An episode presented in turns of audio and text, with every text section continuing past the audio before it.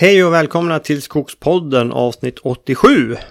Del, del 2 i det här dubbelavsnittet 86-87. Och eh, det är ju två intervjuer vi har här. Det är med eh, skidskytten från Storuman, nämligen Björn Ferry. En väldigt spännande intervju som vi strax ska fortsätta lyssna på. Och efter det kommer eh, en intervju med några pigga försäljare av skogisgranar som jag var och träffade här i Stockholm vid Rådhuset. Missa inte det. Men vi fortsätter med intervjun med, av Björn Ferry. Den kommer här. Men eh, skogsdebatten då, vi ju, vad, vad, säger du om den? den? den? har varit ganska livlig ja, senaste åren med ja, både stora dagstidningar, kör sina artikelserier och, och Sveriges Television och så här. Vad, vad, vad säger du? Är det, ja, är det den har liksom kommit ut från, från vårat, alltså vi som är inne i det, i det nördiga debattdiket på något sätt. För nu är det ju ändå uppe på budgetnivå, det är det som typ avgör storpolitiken. Mm. När det var med förändring med Centerpartiet, eh, Miljöpartiet och sossarna om den här budgeten. Då är det ju som uppe på den högsta nivån, våran mm. lilla nördiga skogsfråga på något sätt. Men där är det ju, ja, jag vet inte vad man ska säga. Menar du att du blir svarslös här för första gången? Ja, men det är ju att det är så känsligt också. Säger man fel så är man ju svartlistad och det i sig är väl ett problem i samhället idag. Det är som att fler och fler, och jag ska säga att jag har blivit mycket mindre aktiv på sociala medier. För man märker att det första frågan någon ställer sig, vilket läger tillhör du? Aha, du är på den sidan. Då spelar det ingen roll vad du tycker om någonting i hela världen, så är det per definition värdelöst. Och det är väl det där stamtänkandet och grupperingarna som blir som fördummande. Att man kan mm. inte ens prata då om sakargument, man kan inte ens lyssna på varandra. Utan det viktigaste är att ställa sig frågan, vilken sida tillhör du? Och då stänger man bara av och så söker man sin bekräftelse på sin sida, det här confirmation bias, att allt som stöder det jag redan tycker, det är bra och det är rätt forskare och det är rätt politiker och det är som rätt. Och de andra har bara helt fel, fel, fel. Så jag, jag tror ändå att man måste kunna samarbeta över de här gränserna. För de som är expert på biologisk mångfald kan ju mycket mer om det. Vi kan tjäna på att ha ett utbyte med dem för att förbättra våra brukningsmetoder. Samtidigt måste de erkänna att de har ju oftast totalt noll koll på skogsbrukande eller skogsbrukets förutsättningar eller ekonomi eller någonting. Så när de kommer dragandes med något som från plockhuggnings återgå till att köra med hästmetoden och någon så här grön våg i, i, idyll så är det som att, men hallå, ja, jag vet inte. Det, det, blir, det blir verklighetsfrånvänt. Att man går fram till en bonde och säger, jag vet hur du ska bruka din jord. Det spelar ingen roll att du har gjort det här i flera generationer och att du har haft det här som yrke och utbildat Jag har läst en bok som säger att du, ska, du borde göra så här istället. Det är ganska konstigt hur man kan tro på det egentligen, mm. när man är så vettig i övrigt. Så det, jag tror att vi borde ha ett utbyte och det måste som slutmålet måste, och det är väl det som är demokrati, att ingen får som de vill, utan slutmålet är att det blir någon form av kom, fungerande kompromiss, det som tillräckligt bra är någon sån där gyllene medelväg. Vi kan inte bara lägga ner hela samhället eller hela skogsbruket för att vi ska nå ett delmål, utan det, ja, så ett tag tänkte jag nu, nu, är, nu vänder allt. Nu blir det förbud mot alla möjliga åtgärder i skogsbruket, men jag tror inte att det blir så. Det kommer att bli förändringar industrin kommer ha svårare att få tag i råvara. Men netto tror jag inte det kommer egentligen vara, behöva bli sämre för markägarna om man inte fattar helt vansinniga beslut. Jag tror att det kan bli bättre. Men vi ska ändå komma ihåg, om inte miljörörelsen eller naturvården hade funnits så hade mest troligt industrin dragit hela den här skogen i botten. Då hade det inte varit en pinne kvar av någon form av naturvärde, för det hade Nej. man inte kommit på själv. Så det är som att, att säga att det har blivit bättre de här senaste 30 åren med nya med certifieringar och lagen och att vi sparar och så där. Det är ju som inte skogsindustrins förtjänst. Nej. Nej, så kan det vara. Nej, men det är ju det, det, fina med att vi har så många privata små skogsägare, ja, men som, som dig och mig, det är att vi, vi gör ju på olika sätt och så får vi den här mm. mångfalden. Plus att vi vet ju också att den här skogen den, eh, den kan inte vi ta med oss till, till nästa liv utan den ska våra barn och barnbarn eh, och, och nästa generation sköta och, och, ta hand om och ha nytta av. Ja.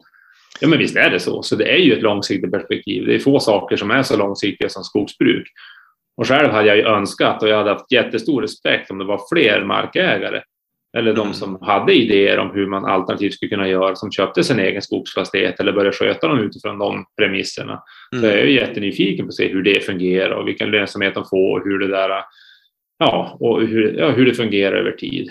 Men det blir som, jag har svårt att få jätterespekt för de som bara står och skriker på sidan, men aldrig gör själv. Det är samma med klimatfrågan. Jag får ju mycket, en del kan tycka saker om det jag och Heidi gör, men vi gör ju. Och det är en trovärdighet att som göra saker själv och inte Ja. säga åt andra vad de ska göra. Nej. Om man först har kommit på att ja, men det här är ett jättebra sätt, kom och titta på vad jag har lyckats med, det borde du kunna göra också. Ja, men då, då finns det ju någonting. Mm. Men att hänvisa till någon obskyr studie och säga det här, oj, det är mycket mer lönsamt att, att bruka på det här sättet. Ja, Mm. du tror inte fler hade gjort det då? Nej, nej, det, är någon, det är någon konspiration från industrin.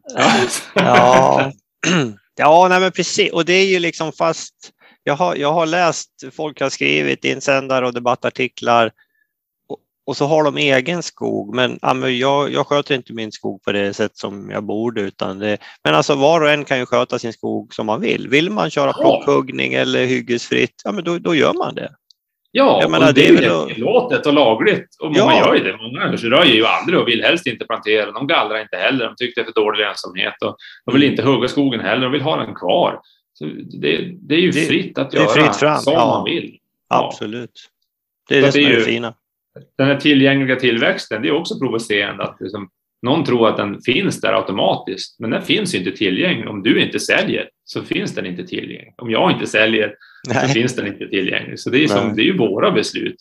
Det är ju inte skogsbolagen som bestämmer avverkningsnivån. Det är du och jag. Ja. ja, men så är det ju. Nej, men det är mycket det vi försöker föra fram i, i podden, att man kan, liksom, man kan bruka skogen på sitt sätt. Man behöver inte göra som storskogsbolagen utan man kan, eh, man kan gå och stamkvista, man kan så, man kan köra blandskogar och man kan stämpla gallringar själva och så här. Och det finns, finns ju jättemycket man kan göra. Och där tycker jag, där är ni verkligen varit föregångare, just den här odlingsglädjen. för det är sån skön kontrast. För era det här, när ni har gått in, när ni har sått och så börjar och nu har det kommit upp två cent och kolla nu har det kommit fem cent, ser så fina och de, här, de tar sig, de ser vitala ut. Och där ser jag då någon annan bara ett hygge. ja. Fem år senare fortfarande ett hygge, fast då är de en och en halv meter. Och 20 år senare, då ser de fortfarande ett hygge. Alltså det är som att vad man Mm. ser. Och du ser ju varenda detalj. Vissa träd, alltså man känner dem som, det är nästan som barn. Man säger ah, här föds en ny skog och det är som fantastiskt att vara med på den här resan om man är intresserad av skogsbruk och Ja. brukandet och odlandet. Och det, det, det, jag gillar det perspektivet. Man kan göra så mycket om man har sådana frihetsgrader. Vill jag gynna fåglarna så är det bara sätt upp holkar, ringbarka träd, ja, röj inte där. Och att, det går ju att göra massa saker om man vill det. Så det, är ju, det borde vara fler som har den här, det perspektivet som skulle finna en stor glädje i av att ha en egen fastighet. Det, det är ju inte alls orimligt att, att det, för det är en ganska köpstark grupp som ofta är välutbildad. Jag förstår inte varför de inte funderar på att ha egen mark. Nej. Det är väl att Nej. det är gratis att ha det här intresset på någon annans och så ser man det som sitt eget svampställe, sin egen fågelskog och sen helt plötsligt är den borta en dag, då blir man jättearg. Mm. Men de har inte tänkt så noga på att det faktiskt är någon annans skog. Ja, som någon har det är väl en debatt om ägandet. Att man har en, det är också en värdering. Någon ser det som det är vårt gemensamma, men du som har köpt det tycker att det här är mina träd, jag har ju betalat för dem. Mm. Och det där är ju som, det har väl kanske alltid varit egentligen. Så Ja. det, alla gillar allemansrätten, men den, den styr också mot ett ensidigt brukande och att den som har rätt till det inte vill betala för någonting. Det, det är någonting med, ja, det borde finnas fler sätt att tjäna pengar på än att bara fälla träd. Mångbruk. se mångbrukande. Ja, Mm. Har, ni, har ni varit inne på det någonting, du och Heidi, era skogar? det blir ju det att då ska du som ställa det mot det andra du gör i ditt yrkesliv. Så Mm. oftast är det ju ändå ett sämre alternativ än vad många gör. Så det som skulle vara intressant är om man kan få ersättning att helt enkelt arrendera ut sin mark till en entreprenör som vill då Ja. ha ett gömsle för att titta på duvhök eller kunna göra exkursioner och titta på olika lavar eller även bärplockning. Om jag har bra bärmarker så visst, om ni vill komma hit då 20 stycken och plocka bär här så är det rimligt att man, att man betalar för att vara där om det är som en affärsverksamhet. Så det är, som, det är skillnad om det kommer en tant som ska plocka fem liter lingon än om det kommer 15 pers i två minimbussar och som springer runt. Det känns som att det är, det är någonting som inte riktigt fungerar här, kan jag tycka. Mm. Och där skulle jag gärna se affärslösningar. Om det är någon som tycker här har jag någonting värdefullt som någon skulle kunna nyttja. Jakten funkar ju så. Mm. Men det kanske som, om jaktarrendena gick upp högre, då skulle det också kunna påverka brukandet. Att jag vill se till att det finns viltbete. Jag vill se till att slå vägkanterna. Jag kan till och med bygga älgpass och, och hugga ved åt dem för att serva dem om det var som en, en tillräcklig intäkt. Skulle också kunna få en variation i brukandet som jag tror man har i södra Sverige delvis, men inte alls här. Mm. Ja, men det finns nog vissa ställen, speciellt runt storstäderna, som ja, lever lite på sin jakt. Jag menar, I Sörmland det finns ju många ja. gods, vet du, de lever mycket med höga stammar med både både hjortar och älg. Ja, mm. och fiske är också så outnyttjat. Det är som bara, här tar man det, ja, man kanske behöver ha fiskekort, men de flesta skiter i det. Om de är som, det är ingen som har brytt sig, det är ingen som kommer och säger åt någon. Nej. Och så ser man ju att de kan tjäna bra på att komma upp någon fransman och få meta upp en gädda och det tycker de är helt jätteexklusivt. Och det kanske är det. Ja. Och det där är ju helt outnyttjat. Det finns enorm potential att göra saker kring naturturism, både jakt och fiske. Och sådana andra bara upplevelser vet jag inte om folk vill betala för. Men ja, vem vet? Det där med framtiden, bara för att det ser ut på ett vis idag så kan det vara helt annorlunda om bara 20 år. Ja, så man kanske ändå ska ta det lugnt med att gallra bort de här naturvärdena bara för att man är rädd för att Skogsstyrelsen ska stjäla dem av det. ja, nej, men det kanske det kan vara någonting för dig och Heidi att satsa på lite naturturism och, och lite kojor i skogen. Och, du kan ju ha eh, fågelexkursioner kanske? Ja, ja, det finns ju sådana företag, men det är som ändå mm. ja, det, det, skulle kunna vara även det här med, med, med kolinlagring skulle kunna bli en marknad för biologisk mångfald också. Det är inte helt orimligt. Nej. Att något företag som tycker att ja, men jag vill se till att skydda, vi, har en, vi påverkar det här. Typ när Tesla byggde sin fabrik i Berlin och de högg ner annan skog och det var någon hack, och fladdermöss. Och, ja, men då försöker de återskapa det då och kanske skapa ett reservat någonstans i närheten för att kompensera för det man gör. Skulle kunna vara en sån marknad också. Har ett bra revir för tretåig hackspett så, så kanske det faktiskt har ett kommersiellt värde i någons mm. ögon. Mm. Så det, det vore också önskvärt. Allt behöver ju som inte vara i statlig regi och att det ska vara skattepengar som finansierar allting. Nej. Det borde gå att hitta andra lösningar, för då, då blir det mer attraktivt att det ska kunna ske. Bara så mm. enkel sak som det här med att plugga igen diken, återväta torrmarker som är en bra klimatåtgärd. Ja. Det är, som att, det är ju alltid underfinansierat för det är som att ja, vi kan inte lägga alla skattepengar på det. Men det är inte alls orimligt att det skulle kunna vara en privat aktör som tycker att jag vill kompensera för mina utsläpp genom att lagra in kol i de här torvmarkerna i Sverige. Mm. Vips så kan det dyka upp en miljard i investeringspengar. Mm. Så det är mer att hitta modellerna för det. Det tror jag kommer att komma mer och mer på olika ja. områden. Ja, ja det där blir klart intressant att följa. Björn, tiden går fort när vi pratar så det finns många ämnen att beröra. Jag tror vi måste börja runda av här. Och, eh, men innan vi gör det, vad, vad, vad vill du skicka med för tips till landets 320 000 privata skogsägare? Vad har, har du några bra tips? Någon skötseltips eller upplevelsetips eller något sådant? Ja, det mest konkreta är väl nu om man ser de marknaden som har varit under det här året med skenande priser i byggvaruhandeln och att sågverken täljer guld. Liksom. Man tänker wow, vilken konjunktur. Och sen ligger liksom prislistorna som ett vattenpass. Då är det någonting som är lite skevt i den där marknaden fungerar. Och det är väl mitt råd. Avverka inte om du inte behöver.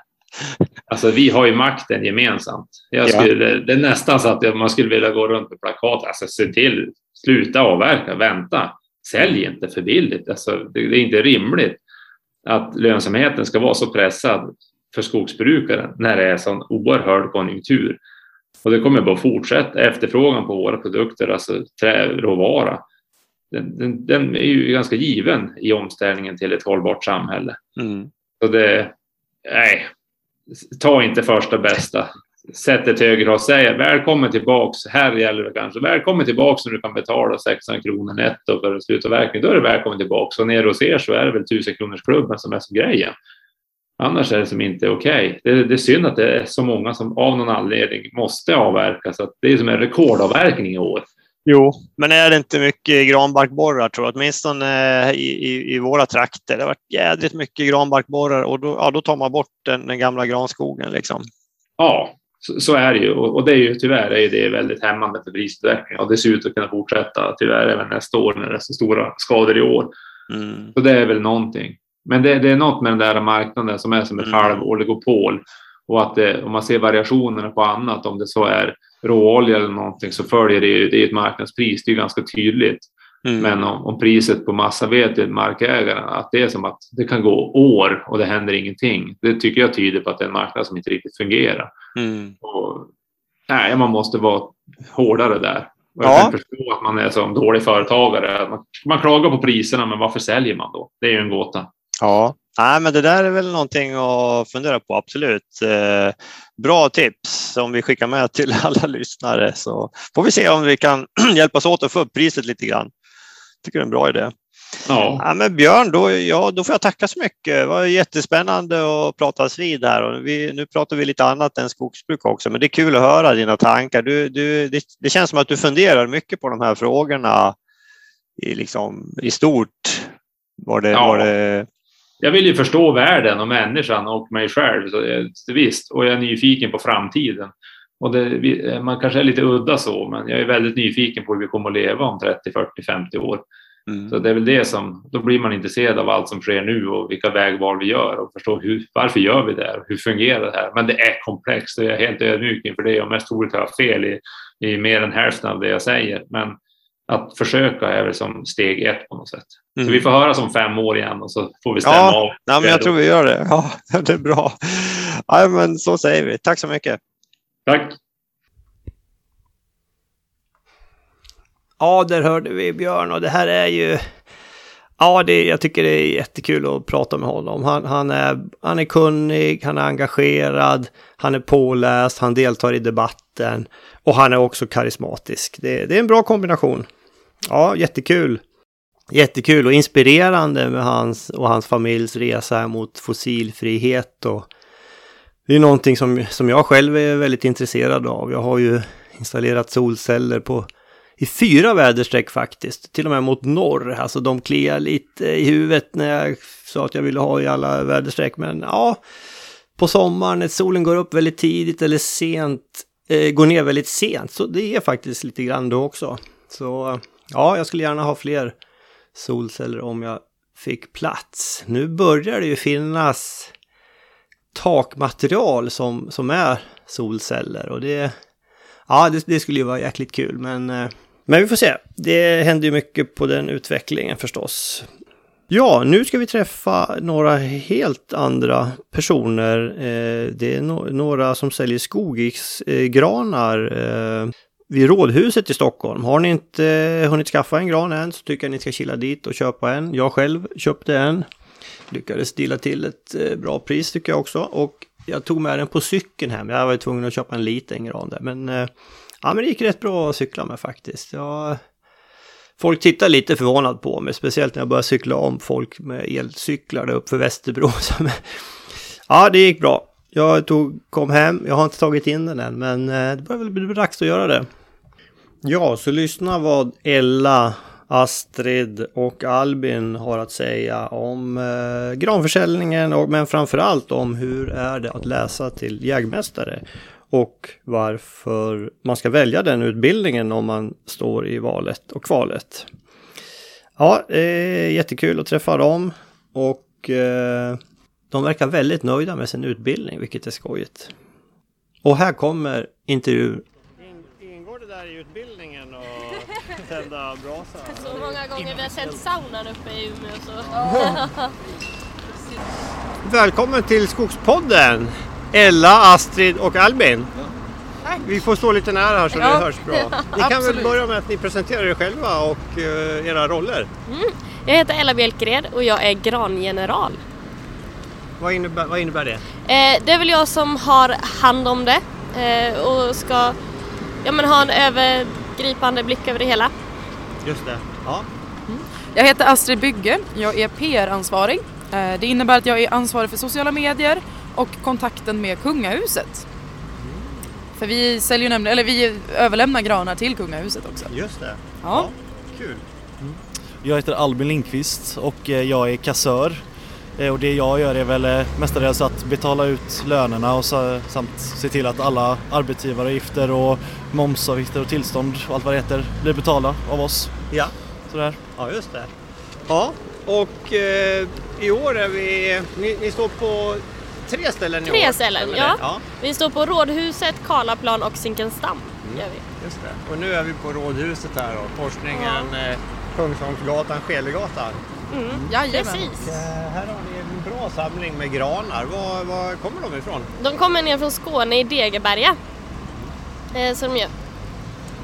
En jägmästare som heter Gunnar som odlar dem. Ja. Är det där ni brukar köpa era granar? Ja, Precis. har gjort i många år. Ja. Det, det här med att eh, Skogi-studenter säljer granar, det har pågått en längre tid har jag förstått. Exakt, det är det 58 året i år. Så det är jättekul. Eh, och vi träffade faktiskt en gammal jägmästare som eh, hade gått, det måste varit på 70-talet någon gång.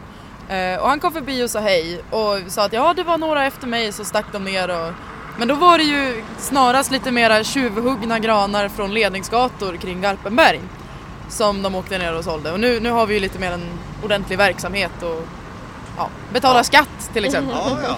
Ja. Såna, hur, hur mycket eh, omsätter ni ungefär då? Eh, Vet ni det? Eller vad, vad beräknar ni med? Det beror ju på, lite- det är lite från år till år. Det beror på lite hur, eh, på många ställen vi säljer på och hur många som är intresserade av att vara med och sälja då. Men eh, förra året vet jag att de eh, brutto då fick in eh, någonstans runt miljonen där innan. Sen så ska ju allt betalas av med skatter och vad det heter innan lönerna betalas ut. Och vi räknar väl på att ha kanske en liten minskning på det i år. Men samtidigt är vi ju lite färre också så att vi ska Ja. kunna vi ska kunna få det bra ändå ställt efteråt. Vad, vad gör ni med överskottet då? Ja, det betalas ju ut som en, som en lön då. Eh, och till lite, i, tidigare har man ju haft använt det till resor. Och det är väl någonstans, vi ska ju åka på södra Sverigeresan i år till exempel då. Ja. Trots att vi går tredje året, det har blivit skjutet. Så det är säkert många som ser det som ett mycket välkommet eh, bidrag till studentkassan. Är hela liksom, årskursen engagerad i det här? Nej, det är frivilligt. Ja. Så i våran kurs så går vi runt 30-40 personer men vi är bara 11 stycken som är och säljer här. Ja. Så det ser man väl en tendens som minskar. Ja.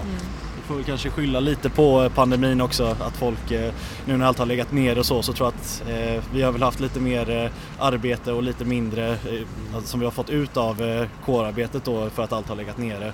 Så jag tror väl att folk kanske har eh, fått en liten, eh, ja, eh, inte, inte känt att de har fått riktigt lika mycket kanske som tidigare år. Nej. Men eh, så hoppas väl att det kanske går upp lite nu nästa år och, och framöver. Ja. Sådär. ja, just det. Men vi som igång. står här, vi har ju otroligt kul. Ja. det är, ja, det är ju roligt att vara här. Absolut. Men ni står hela dagen? Eh, Ja, det är lite kallt ibland. Eh, vi står här från klockan 10 till klockan 8. ja. Eh, gör vi. Så vi har med termosar och mattermosar och vattenflaskor och, Ja. och så. Så att det, ja. Och mycket kläder på. Sen har Många vi, lagar kläder. Försöker vi få igång en liten eld här också. Ja, den kanske är på gång nu tror jag. ja, kan gå. Ja, ja vad kul. Nej, men jätteskojigt. Men ska vi berätta lite grann om, om utbildningen då? Det här med jägmästarutbildningen. Vad är det för något och, och varför blir man jägmästare? Ja, nu får du nog röken på ja, det. Men, eh, precis. Ska vi gå lite vi åt kan sidan? flytta lite vi på lite åt sidan. Eh, jägmästarutbildningen är en femårig utbildning. Lite mer teoretisk än den treåriga skogsmästarutbildningen då, Ja. som finns i Skinnskatteberg. Utbildningen finns i Umeå eh, och efter år tre när man ska välja sin master kan man läsa antingen då det här klassiska rågstråket i Umeå eller om man går i Uppsala för lite mer ekonomiinriktad eller i Alnarp för lite mer biologiinriktad. Så det är en väldigt bred utbildning. Och det är nog det som lockar många också tror jag. Just att man, man kan välja lite olika. Eh, man, kan, man kan gå nästan helt grön utbildning, man kan gå nästan helt ekonomiinriktad utbildning också. Just det. Så det, är- det är väldigt kul kombo, det är väldigt, väldigt rolig kombination av folk. Ja, Eftersom alla har lite olika anledningar till att gå utbildningen så blir det väldigt blandade erfarenheter och åsikter och det gör att det blir väldigt trevligt klimat. Ja. Ja, så det... Har, har ni valt för, för eh, era sista två åren då? Ja, mer eller mindre. Mer eller mindre. Ja, Så jag handplockar lite eget och jag läser lite ja, men företagsekonomi, lite mäklarkurser och sen försöker jag blanda in lite ja, men grönare kurser med biologi för att få så, bre- ja, men så bred bredd som möjligt. Men då blir är- blir det Uppsala då eller? eh, Alltså... Eh, Jag kommer läsa både i Alnarp och Uppsala, Ja, okej. mina master. Ja, just det. Ja, jag, jag, jag, jag har sökt utlandstermin faktiskt, så jag har skjutit lite på valet. Eh, Men det lutar åt Uppsala för mig, och ekonomi. Ja, just det. Ja. Albin då? Jo men det jag skulle säga samma som Astrid då fast jag har inte sökt något eh, utlandsår då. Eh, men jag har ju, vi har ju de kurserna vi faktiskt har ansökt om är ju fram till kandidatarbetet nu i vår då som vi har eh, faktiskt valt då. Men eh, ja, nej jag siktar väl på att eh, komma ner till Uppsala där. Mm. Är, det, är det det mest populära? ekonomi? Det mäk- Ja, mäklaryrket? som- Det är ju lågstråket uppe i Umeå, de flesta går ju kvar uppe i Okej. Umeå de två sista åren också. Ja, och Fish, Fish and Wildlife som den heter. Den som är inriktad, men mycket så här populationsekologi, mycket vilt. Den drar många människor. Ja, ja. Eh, Den är väldigt populär. Och mycket utbytesstudenter på den också. Ja. Så det, det är väldigt kul. Internationellt sett är ju SLU otroligt väl ansett. Mm. Eh, Och i Sverige är det ju väldigt tråkigt, det är inte så många som känner till det utanför skogssektorn. Nej. Så vi har lite, det finns lite att jobba på för SLU. Ja men så är det nog. Alltså våra forskare i skogsbruk är ju väldigt eh, välrenommerade. Ja, Tillsammans verkligen. med Finland så ligger ju Sverige i topp. Ja, Ja, och det är ju jättehäftigt med eh, utbildningen att det är ju våra lärare och professorer som vi får ha föreläsningar med och lära Ja. känna. Just Ja. det. Mm. Ja men det är bra. och så ser man en debattartikel senare så ja, men då, då har man liksom den personliga kopplingen. Ja. Så det är väldigt roligt. ja. Vilka jobb får man då som, som jägmästare? Det är ju eh, jättebrett som vi sa tillbaka med, eh, med att utbildningen är bred. Det, det kan ju eh, vara allt från att man jobbar åt Naturskyddsföreningen i att inventera arter som är lite rödlistade till att man kan ju nästan jobba på bank liksom som sådär fastighetsvärderare och så. Ja. Och sen är det väl många som jobbar i just det här, alltså timmer, vad ska man kalla det? Virkesköpare, Ja, precis. logistiker. Själva Ja. infrastrukturen inom hela industrin då så att säga. Det. Det är väl många jobb framförallt. Där kan man säga, där konkurrerar ni lite grann med skogsmästarna från, från Skinsberg då. Ja. Ja, det, det, det gör vi och den, de har ju en mer praktisk utbildning Mm. eh, och är väl kanske har lättare liksom direkt på studs att komma ut. Men vi har ju, vi sommarjobbar ju, i princip alla sommarjobbar på somrarna och får då praktisk erfarenhet också. Ja, just det. Ja. Ja. Ja, intressant. Eh, Vad, eh, vad var det som gjorde att ni valde liksom just den här utbildningen då? Vad, Oj. Jo, men jag kommer från en familj som äger skog. Jag har varit uppvuxen med att man får hjälpa till att plantera och röja. Eh, Så jag visste ganska tidigt att jag ville jobba inom skogsbranschen Eh, och kollade på lite utbildningar och så hittade jag jägmästare och kände att den, eh, den bredden vill jag kunna ha. Eh, Stå så stadigt. Mm. Ja, ehm, för mig borde det varit självklart. Jag vet, du har ju träffat min pappa som då Ja. är skogsmästare och varit med i podden. Och min mamma är jägmästare och min morfar var jägmästare. Ja. Och min morbror är jägmästare. Eh, så att jag har ju alltid sagt aldrig i livet, jag ska inte syssla med skog. Nej, nej, nej, nej, nej. Men sen så satt jag i Stockholm, jobbade på ett tråkigt kontorsjobb och kände men så här vill jag inte ha det. Nej. Jag vill ju vara ute, det är dit jag vill. Eh, och så var jag faktiskt uppe och festade. Jag hälsade på min kompis eh, som gick året innan oss och var uppe på storsittning och insåg att men det här var ju, det här var ju trevligt. eh, och så blev det så, så började jag. Men jag vågade inte berätta för mina föräldrar för jag tyckte det var lite pinsamt. Jag vill, sa nej nej nej jag har sökt eh, ekonomi. så sa jag ja just det, ja, jag ska faktiskt flytta till Umeå. ja. Så, så Ja, det. nu, nu vet de om det. nu vet de om det Ja. och jag, jag tror de är nöjda. Ja, Ja. och du har inte ångrat det heller? Nej jag trivs jättebra. Ja. Kåren, människorna, allt är jättetrevligt verkligen. Ja, eh, jag har väl egentligen ingen skoglig bakgrund så sett men jag har alltid gillat eh, alltså natur och sådär eh, skog. Ja, det har alltid fascinerat mig och sen eh, lite på senare år efter att jag tog studenten tog jag väl upp det här lite företagsekonomiintresset också. Mm. Och eh, så fick jag höra av en kompis då att den här utbildningen fanns och det, det verkade som att den, eh, den hade det jag sökte. Och sen visste jag inte heller riktigt vad jag sökte men det funkade också bra för att det var just så brett och så att man, man Mm. kunde bestämma sig lite under utbildningens gång. Fick jag av. Och det tycker jag väl har stämt ganska bra hittills. Så, Ja. så. Sen ska vi också säga, både jag och Ella har ju gått skogskurs för tjejer. Ja! Men lite olika, så det ska vi också gö- nästan göra lite reklam för att det, det var en ganska bra inkörsport Ja. i att se, för man har ju oftast en bild att ja, men skogsbranschen, det är bara killar. De pratar bara om jakt och maskiner. Och att då få träffa, men titta det finns, det finns väldigt coola tjejer och också man får vara tjej och prata om jakt och maskiner också. Och hitta den kombinationen. Eh, Så det, det, det vill vi slå ett slag för. Vad, vad är det för kurs? Eh, Det är Ja, någon- du kan ju... Ja, det är SLU som håller i en sommarkurs för tjejer eh, som är en vecka lång och hålls i Skinnskatteberg på Skogsmästarskolan. Eh, där man får träffa tjejer från utbildningen, också tjejer i branschen som jobbar inom skog. Ja, och känna på det. Ja. Det är jätteroligt och jätteintressant. Ja. Mm. Ja, men det kan ju vara någonting om man är lite osäker. För Hur är könsfördelningen annars då? Era... Är det 60-40 tror jag? Jag skulle säga det. Lite däromkring. Så det, det är ändå ganska många tjejer. Eh, och jag tror det är något liknande, det här är ju jägmästarutbildning, men jag tror det är något liknande på skogsmästarutbildningen också. Mm.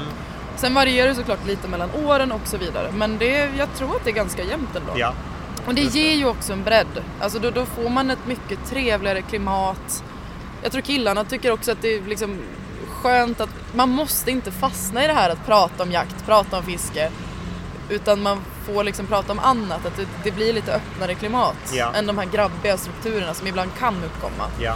Så att, eh, nej det känns väldigt bra. Och kåren har ju ett tydligt jämställdhetsarbete, SLU har tydligt jämställdhetsarbete också, så det Ja. känns väldigt bra. Ja, just det. Annars generellt har väl just alltså jägmästarutbildningen, det var ju populärare förr i tiden, har jag en känsla av. Har Ja. jag läst. Eh, Ja. var- Varför har det blivit så då, eh, tror ni? Jag vet inte riktigt hur många från SLU som lyssnar på Skogspodden så jag vet inte riktigt vad vi, vad vi vågar säga men någonstans så kanske det var lite så att tidigare generationer kände alla någon som bodde på landet. Alla hade en farbror eh, som högg i skogen och körde med hästar och så. Så alla kände liksom till skogen, hade en koppling till skogen. Ja. Och sen en generation så blev det bara inte så längre. Urbanisering och... Jag tror också det är en stor okunskap om eh, namnet jägmästare. Det är ju Ja. många som frågar vad man pluggar och man säger att man läser till jägmästare och de aha du tar jägarexamen. Ja, eh, kopplar det till det eller liksom förstår inte riktigt vad det är vi faktiskt utbildar oss till. Ja. Så jag tror där är också en stor... Eh, Den här, åh men jaha du läser i fem år, jag har hört att det finns intensivkurser.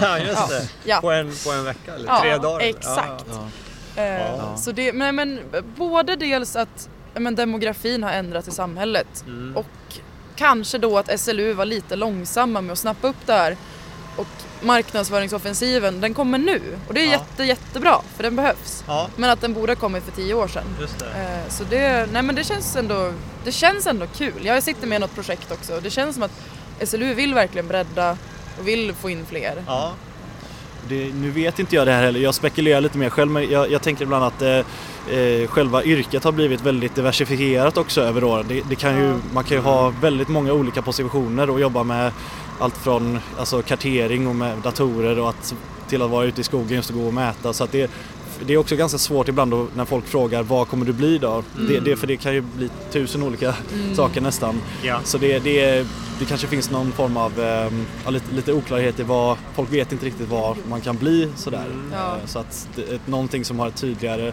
koppling till ett yrke blir eh, sådär lättare att välja. ja. Men, Men det, i- är, det är bara spekulationer från min sida då. Mm. Ja, egentligen borde det ju vara så att alla som överväger ingenjör borde ju överväga jägmästare.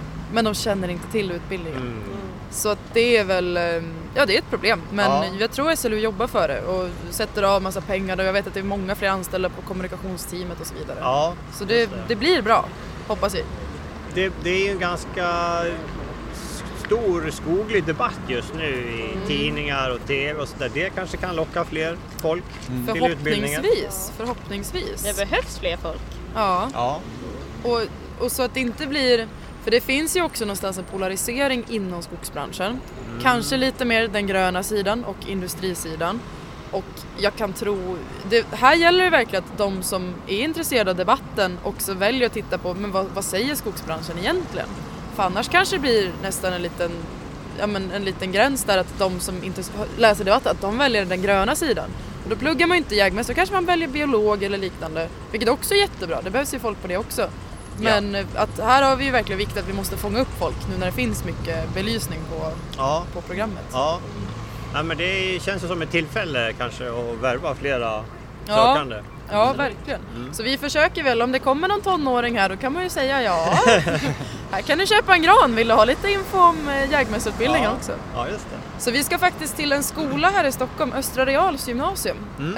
eh, den 16 och vara med på en mässa anordnad av, nu måste jag tänka efter här, anordnad av deras jaktförening Aha. var det. Ja. Eh, så då blev vi inbjudna och då har vi den här jaktkopplingen. Men då tänker vi att ja, men då kanske vi kan åka dit, berätta lite om programmet, ta med oss lite granar Ja. och visa att vi finns. Mm. För det är väldigt viktigt. Det låter som en jättebra idé. Ja, Absolut. Det, och granförsäljningen i sig är ju faktiskt ett sätt att visa att vi finns. Ja, men precis. Folk frågar var kommer ni ifrån? Då kan Mm. vi berätta lite om Skogshögskolan. Ja, ja, men ni hade ju någon uh, liten skylt här, Ja. skogsgranar. Så, ja. Precis. Och så finns ni ju på Facebook också har jag sett. Instagram Och Instagram. också. Ja, det. Ja. TikTok är det senaste. TikTok. TikTok. Det Och hänga med. Ja. Ja, ja. Berätta om den här, ni ska lämna över uh, granar till uh, kungahuset. Hur Ja. går det till? Uh, Ja, hur, vi kommer åka dit, vara finklädda, Ja. ha med oss granar. ja. Så möts vi upp, i år är det prinsessan Madeleine som kommer komma. Ja. Eh, och så kommer vi lämna över. Mm. Ta oss lite bilder och så vidare. Vi Har ni valt ut någon riktigt fin gran då? Ja, de är, de är undanställda och eh, så. Ja. Så det, nej, det, det ska bli jätteroligt Ja, verkligen. Det, det tror jag är något som många ser fram emot i flera år. Så, Absolut. ja. Nej, så det, Nej, det låter skojigt. ja. Så då är vi då vi i Granstyrelsen som ska åka och göra det. Ja. Eh, Så vi är sex stycken som åker. Ja. Så då ska de andra ha ansvar över platserna själva då. Mm. Bra. Ja. Jaha, ja men kul. Vad, men eh, om vi ska avsluta med, om ni ska, om ni ska vad, vad är liksom era främsta argument som ni vill skicka med till, till eh, ungdomar som funderar på skolval och yrkesval? Var, varför ska man läsa jägmästare? Vad säger du Ella? Ja, men det är en jätterolig utbildning. Man får en väldig bredd och får lära sig otroligt mycket. Samtidigt så har vi ett fantastiskt kårliv och ett underbart kårhus med en sån härlig gemenskap. Eh, Så det, de tre åren uppe i Umeå för mig eh, har varit helt underbara på grund av det. Ja, alltså jag tyckte Ella sammanfattade det väldigt bra. Men verkligen just att trycka på det att man ska göra det man tycker är kul. Mm. Tyck, vill man vara ute, ja men då kanske man ska faktiskt plugga en utbildning där man får vara ute på skoltid och lära sig om skogen och så vidare. Man kan ha ett arbete där man till exempel kan ha hunden med sig på jobbet. Få variera kontorsjobb och in, liksom utomhusjobb. Kan sitta på kontoret i friluftsbrallor och kängor. Jag tror att det är viktigt. Och ja, det, det är väl det jag vill skicka med. Ja. Fundera över vad är viktigt och gör det. Ja, ja bra. Ja, nej men jag håller väl med om det där att eh, rent kårmässigt och, och eh, traditionsmässigt har jag trivts väldigt bra och tyckt det varit väldigt kul. Men det är väl också så skulle jag säga att eh, det, det har ju det har ju med framtiden att göra lite det här. Alltså det är en, en resurs som vi måste ta tillvara på som eh, det finns många olika intressenter som har någonting att säga till om då. Och det är dels det här med kollagen och klimatförändringarna samtidigt som det handlar väldigt mycket jobb och, eh, och liksom infrastruktur i Sverige då, och en, en stor ekonomi sådär. Eh, och det finns ju inget klart svar på den frågan men man, det behövs ju fler som är där och, och forskar och Mm. är duktiga på det skulle Ja. jag säga. Sådär. Ja, men det var bra, bra sammanfattning av alla tre. På, på tal om det här med kolinlagring, pratar ni eller lär ni er om liksom skogens klimatnytta och kolinlagring? Och det, det, Jättemycket. Det, Ja. Vi läser mycket om det och det är en jätteaktuell fråga. Eh, Så därför läser vi mycket kring Ja. det. Det är jätteintressant. ja, verkligen. Ja. Och det, det jag gillar med det är att vi inte får ett färdigt svar sådär som man ska plugga in till tenta utan det är, det är väldigt mycket debatter och det är, det är ofta sådär att man, man inte har fel men även om läraren kan säga emot en bara, nej jag har ett annat argument så, så finns det liksom inget eh, printat facit på det. Så det känns ju som att det är i görningen eh, med samtiden sådär. Mm. Så det, Ja. ja, men bra. Ja, men då får jag tacka så mycket för att jag fick komma och prata med er. Det var jättetrevligt och eh, lycka till med granförsäljningen. Och Ja lycka men till, ska du eh, inte köpa en gran? Ja, men faktiskt, jag Ja. faktiskt funderar på det. Ja. det. Det får vara någon lite mindre då eftersom jag cyklar. Men, Ja, eh, det, du är varm. Vi har något för alla här. Vi har ju några små fina här ser jag, lite nätta. Ja. Ja, ja men vi kikar på dem. Ja, bra. Tack så mycket. Ja, där hörde vi intervjun med eh, Skogisgranarna och med eh, Björn också. Eh, så det börjar väl bli dags att avrunda det här eh, mastodontavsnittet 86-87. Och eh, jag vill passa på att önska er god jul också. God jul så hörs vi igen nästa år. Tack för att ni lyssnar. Hej då!